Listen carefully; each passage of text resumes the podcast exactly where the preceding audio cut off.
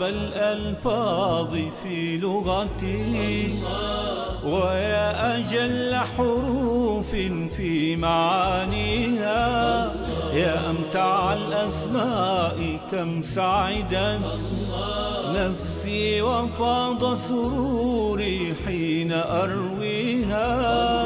أنسي وبستاني وقافيتي يا زينة الدنيا وما فيها. يرتاح قلبي حين يسمعها وحين أبصرها نقشا وأمليها.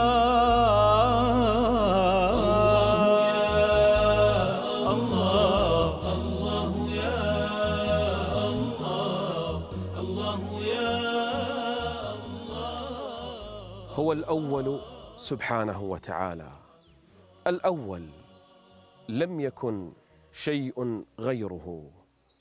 قال صلى الله عليه وآله وسلم كان الله ولم يكن معه شيء غيره.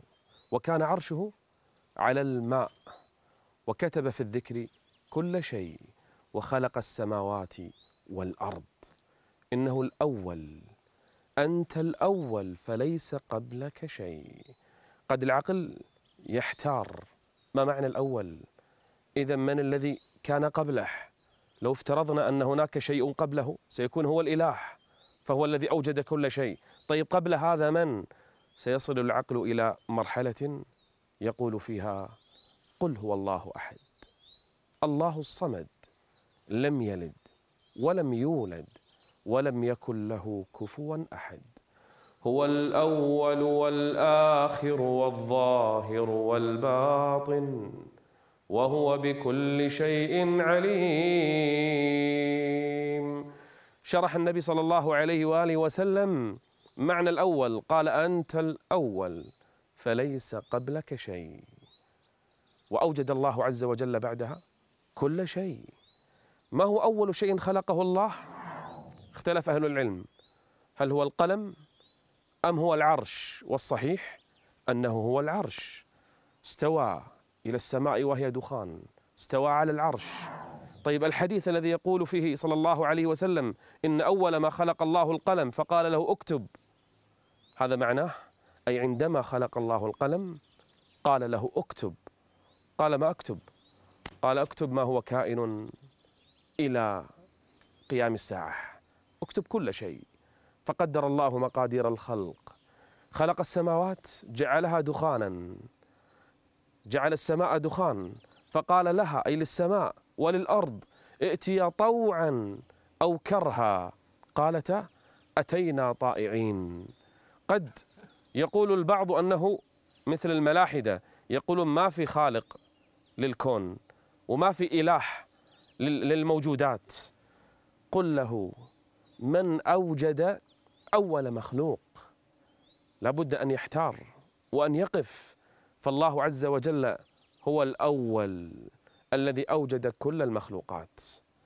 لما سمع جبير بن مطعم النبي صلى الله عليه وآله وسلم يقرأ في صلاة المغرب أم خلقوا من غير شيء؟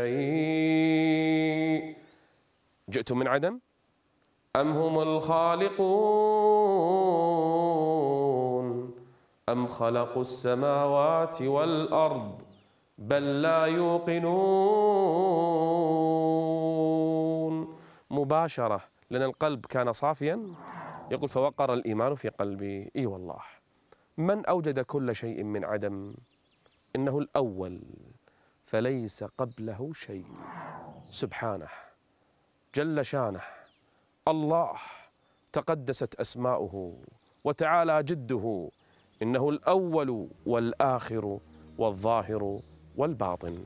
الله يا الله الله يا الله الله يا الله الله يا الله كان الله ولم يكن معه شيء. هو الأول جل وعلا. هو الأول والآخر والظاهر والباطن. سبحانه جل وعلا. هل فكرت يوما بهذه السماوات وهذه الأرض والكواكب والنجوم؟ هذا الإنسان الذي يتكبر على ربه.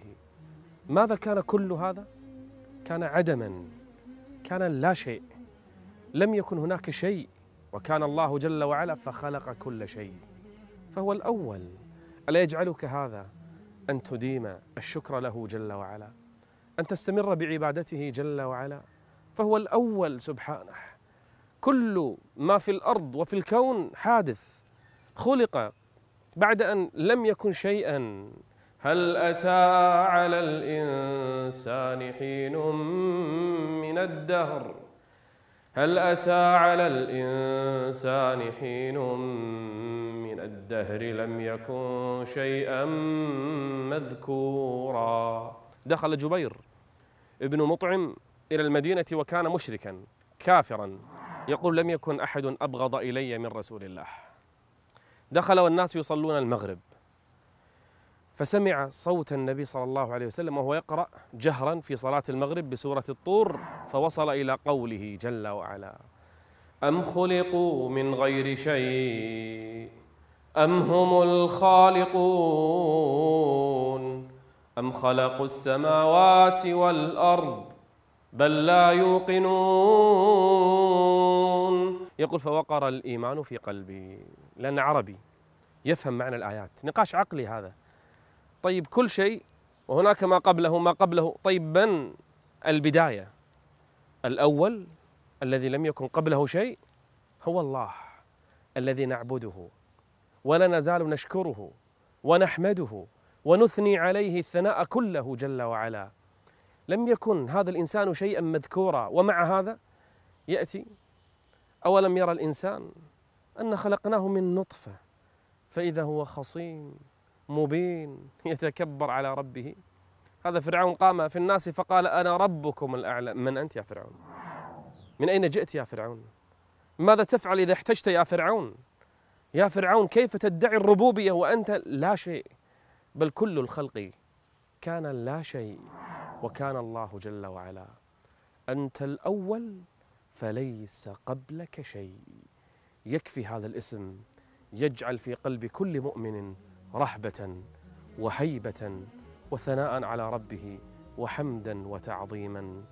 جل وعلا هو الأول والآخر والظاهر والباطن.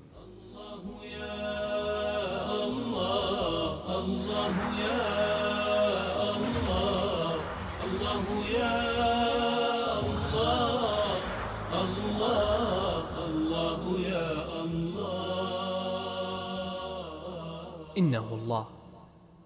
الأول والآخر ليس قبله شيء ولا بعده شيء.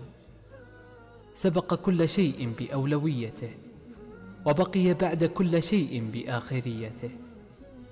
اصغي يا مؤمن لقول الحق تبارك وتعالى هو الأول والآخر والظاهر والباطن.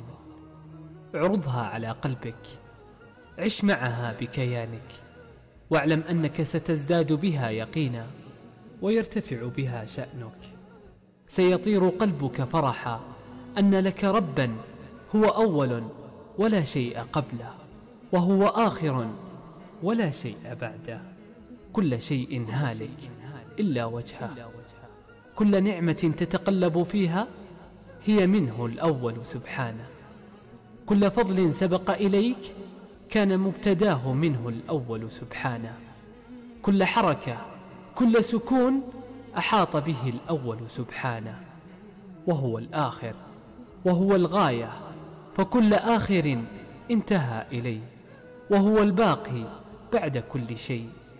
أحاطت أولويته وآخريته بالأوائل والأواخر. إن عشت مع اسم الله الأول والآخر. حلق قلبك في ملكوت اليقين وسبحت روحك في رياض النعيم. فلا يمكن لدنيا أن تسكن قلبك ولا يمكن لفتنة أن تلهيك بل ستراقب عيناك طريق النجاة وستزهر بقلبك كل الاماني أيسكن الشك قلبا تشرب معنى اسمه الأول والآخر؟ أتيأس روحا عرفت ربها الأول والآخر. لا وربي إنه الله خلقنا تعلقنا به فهو الحي الذي لا يموت والباقي الذي لا يزول والدنيا بأسرها ستفنى. اللهم أنت الأول فليس قبلك شيء وأنت الآخر فليس بعدك شيء وأنت الظاهر فليس فوقك شيء وأنت الباطن فليس دونك شيء. الله يا هو الأول والآخر سبحانه وتعالى. اسمان كريمان لله عز وجل. الأول والآخر. الأول ليس قبله شيء والآخر ليس بعده شيء. جل جلاله. إليه المنتهى. كل شيء في الأرض ينتهي. كل الناس يموتون. الجن يموتون. كل من عليها فان. ولكن ويبقى وجه ربك ذو الجلال والإكرام. إليه تنتهي عبوديات العباد. إليه منتهى حبهم ومنتهى عبودياتهم. تخيل. تفكر أن كل ما حولك سينتهي يوما من الأيام. الكواكب التي يعبدونها الأصنام التي يقدسونها القبور التي يتقربون إليها الجن وما يعبد الإنس وما يعبد كل من عليها فان ويبقى وجه ربك ذو الجلال والإكرام. كل شيء هالك كل شيء هالك إلا وجهه. كل شيء سيهلك يوما من الأيام. كل من في السماوات وما في الأرض سيصعق يوما ويبقى وجه ربك ذو الجلال والإكرام. إذا كان جل وعلا هو الآخر فاجعل نهاية حبك نهاية إرادتك نهاية عبادتك نهاية مقصودك هو الله جل وعلا. هو الأول والآخر والظاهر والباطن. هو الآخر جل وعلا. كيف يعلق الإنسان قلبه بغيره جل وعلا. جعل الجنة نعيمها دائم خالد لأنه أراد هذا لعباده جل وعلا.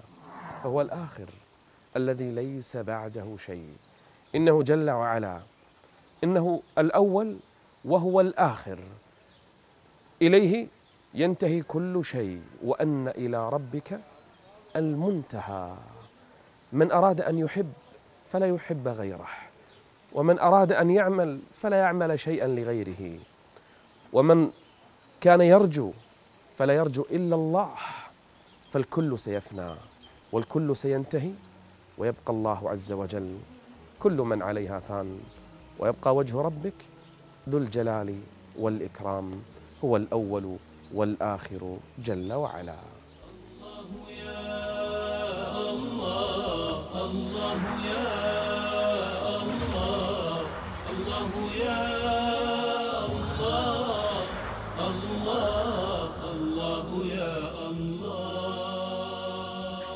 عندما تدعو ربك جل وعلا تريد أن تسأله حاجة.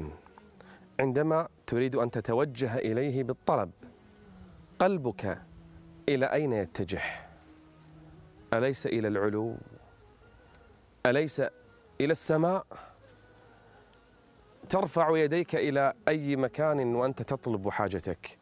أليس إلى الأعلى؟ لأنه جل وعلا هو الظاهر فليس فوقه شيء. هو الأول والآخر والظاهر والباطن وهو بكل شيء عليم. مع أنه أول إلا أنه هو الآخر. مع أنه هو الظاهر ليس فوقه شيء إلا أنه هو الباطن فليس دونه شيء. هو الله جل وعلا. الملائكة تخاف منه. الملائكة تعبده. الملائكة تسبحه طوال حياتها في خلقها. لأن الله عز وجل هو الظاهر.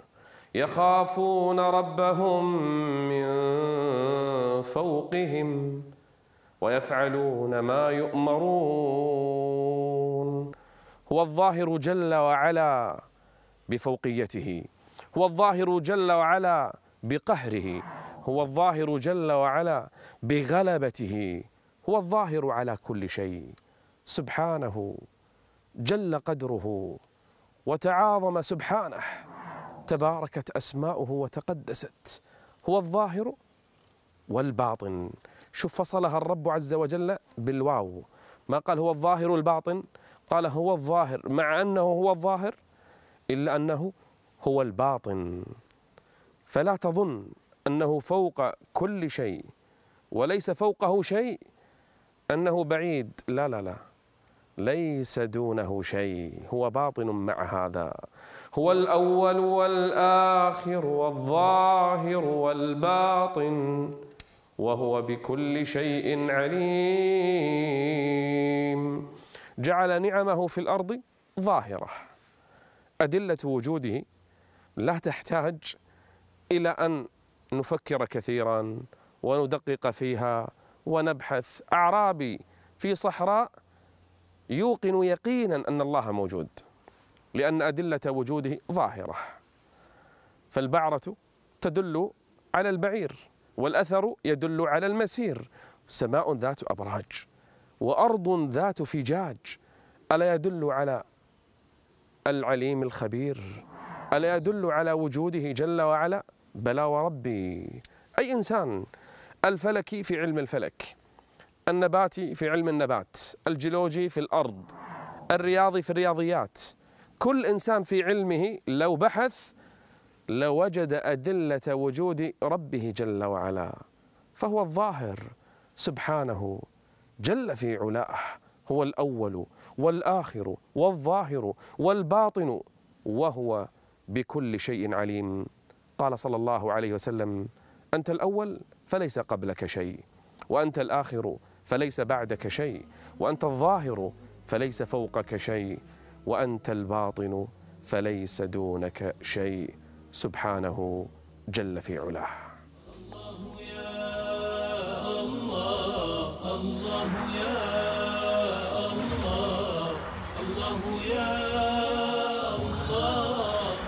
الله الله يا الله هو الأول والآخر والظاهر والباطن. إذا سميته الظاهر فقل الظاهر الباطن. لأنه جل وعلا قد أحاط بكل شيء. فهو الظاهر كما قال عليه الصلاة والسلام أنت الظاهر فليس فوقك شيء وأنت الباطن فليس دونك شيء.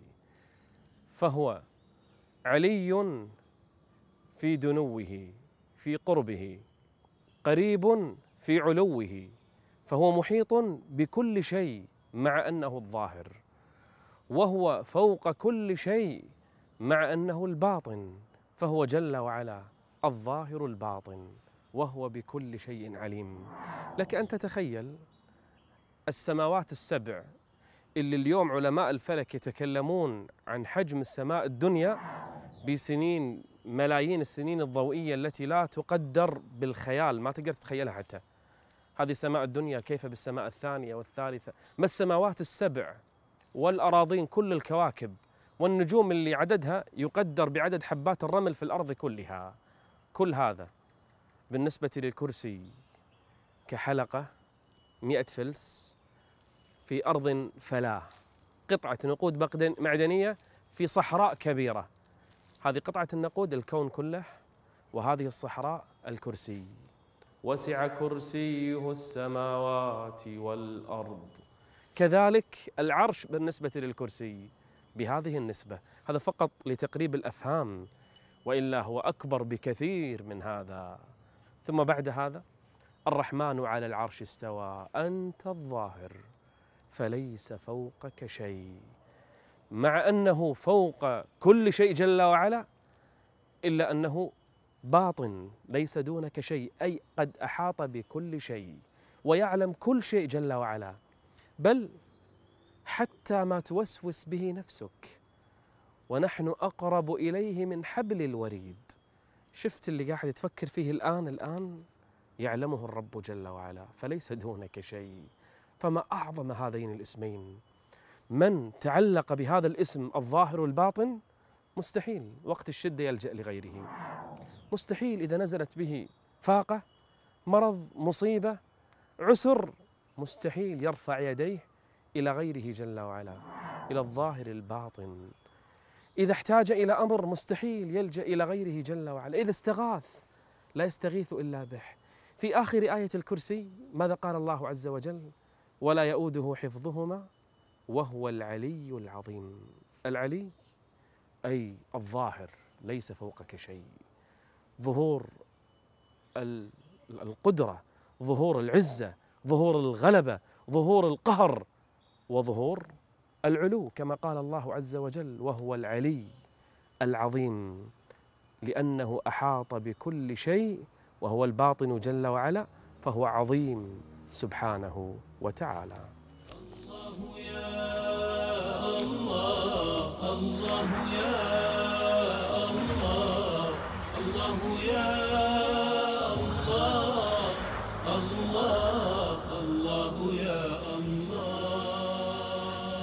لو حدثت نفسك بأمر أو أسررت لأخيك بسر أو همست لأحدهم أو نفسك حدثتك بأمر ما من الذي يعلم كل هذا؟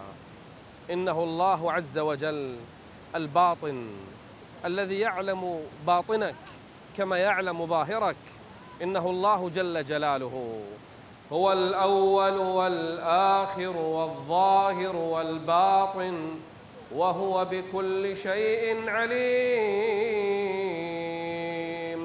لا أقرب إليك من الله عز وجل بعلمه وسمعه وبصره جل جلاله. ما يكون من نجوى ثلاثة إلا هو رابعهم ولا خمسة إلا هو سادسهم. إنه الباطن وهو الظاهر جل جلاله. قال صلى الله عليه وآله وسلم أنت الباطن فليس دونك شيء. وأنت الظاهر فليس فوقك شيء. الله جل جلاله مع أنه على العرش استوى مع أنه في العلو جل جلاله إلا أنه أقرب إلى أحدنا من عنق راحلته أقرب إلى أحدنا من أي شيء بعلمه وسمعه وبصره جل جلاله. الباطن لك أن تتصور أن الكون كله. بسماواته بأراضيه بنجومه بكرسيه بعرشه الخلق كله قد أحاط الله عز وجل به. فالله محيط بالعالمين. الله عز وجل يخبرنا عن الكافرين الذين فعلوا ما فعلوا في البلاد فأكثروا فيها الفساد دمروا واحتلوا وقتلوا وسفكوا الدماء. الله عز وجل قد أحاط بهم. أليس هو الباطن؟ قد أحاط بالكافرين. والله من ورائهم محيط. هو الباطن جل جلاله. فلا تدركه الأبصار ولا تدركه الحواس ولا يعلم كيفية صفاته أحد من الناس. فالله عز وجل هو الباطن. لا تدركه الأبصار. وهو يدرك الأبصار وهو اللطيف الخبير. عبد الله يا من آمنت بأن الله هو الباطن أيصح أن يكون باطنك أسوأ من ظاهرك؟ أيصح يا عبد الله أن تخفي في باطنك ما لا يرضاه الله جل جلاله؟ أيصح يا عبد الله أن تكون كلما خلوت بريبة في ظلمة عصيت ربك جل جلاله. يا عبد الله الله هو الباطن قريب سميع بصير خبير بك يا عبد الله. الله هو الباطن. أيصح أنك إذا اختفيت عن أعين الناس تعصي رب الناس. الباطن فليس دونه شيء. فإياك إياك إياك إياك أن تعصيه وتستمر بمعصيته فإن وقعت بالذنب فالجأ إليه فليس دونه شيء.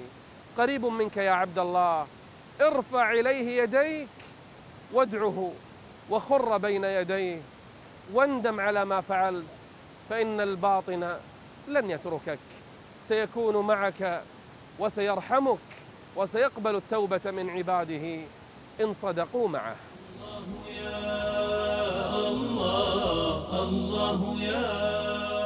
الباطن ليس دونك شيء مطلع على السرائر والضمائر والخفايا العالم بكل شيء العارف ببواطن الأمور وظواهرها الباطن لجميع الأشياء. فلا شيء أقرب إلى شيء منه ونحن أقرب إليه من حبل الوريد. أتغيب عن نظره سبحانه؟ وغيبك عنده شهادة. أتزكي نفسك؟ وباطنك عنده ظاهر. فأصلح له غيبك وطهر له باطنك. تهرب من نظر الخلق حين تعصيه ولم يدر بخلدك أنه الباطن. أحاط بالعالم كله يعلم مكنون الصدور فكيف تخفى عليه ذنوب عباده؟ يا مسكين لا تهرب من الله بل فر إليه والجأ بقلبك إلى خالقك خالف هواك انطرح بين يدي مولاك قل يا رب يا رب باسمك الباطن أصلح لي باطني إن قلبا وعى اسم ربه الباطن لا يمكن للرياء أن يسكن فيه لأنه يعلم أن باطنه منكشف للباطن جل في علاه. رزق الخير كله والفلاح أكمله. من عاش قلبه مع الله الباطن. أتدري لماذا؟ لأنه لا مناص للعبد من ركونه وافتقاره إلى رب العزة والجلال حين تغلبك نفسك وتخور قواك وترهق روحك. استمد العون من رب بيده أول أمرك وآخره. روحي طموحي راحتي سكني لا أجتني الأنس إلا من مغانيها. أجمل ما نتلوه أحسن ما يروي ضمائرنا طهرا ويسقيها. يا سلوة للقلب يا أملا يرى المحب أفانينا المنى فيها. إن جاءت الدنيا بضائقة فالجأ إليها ففيها ما يجليها.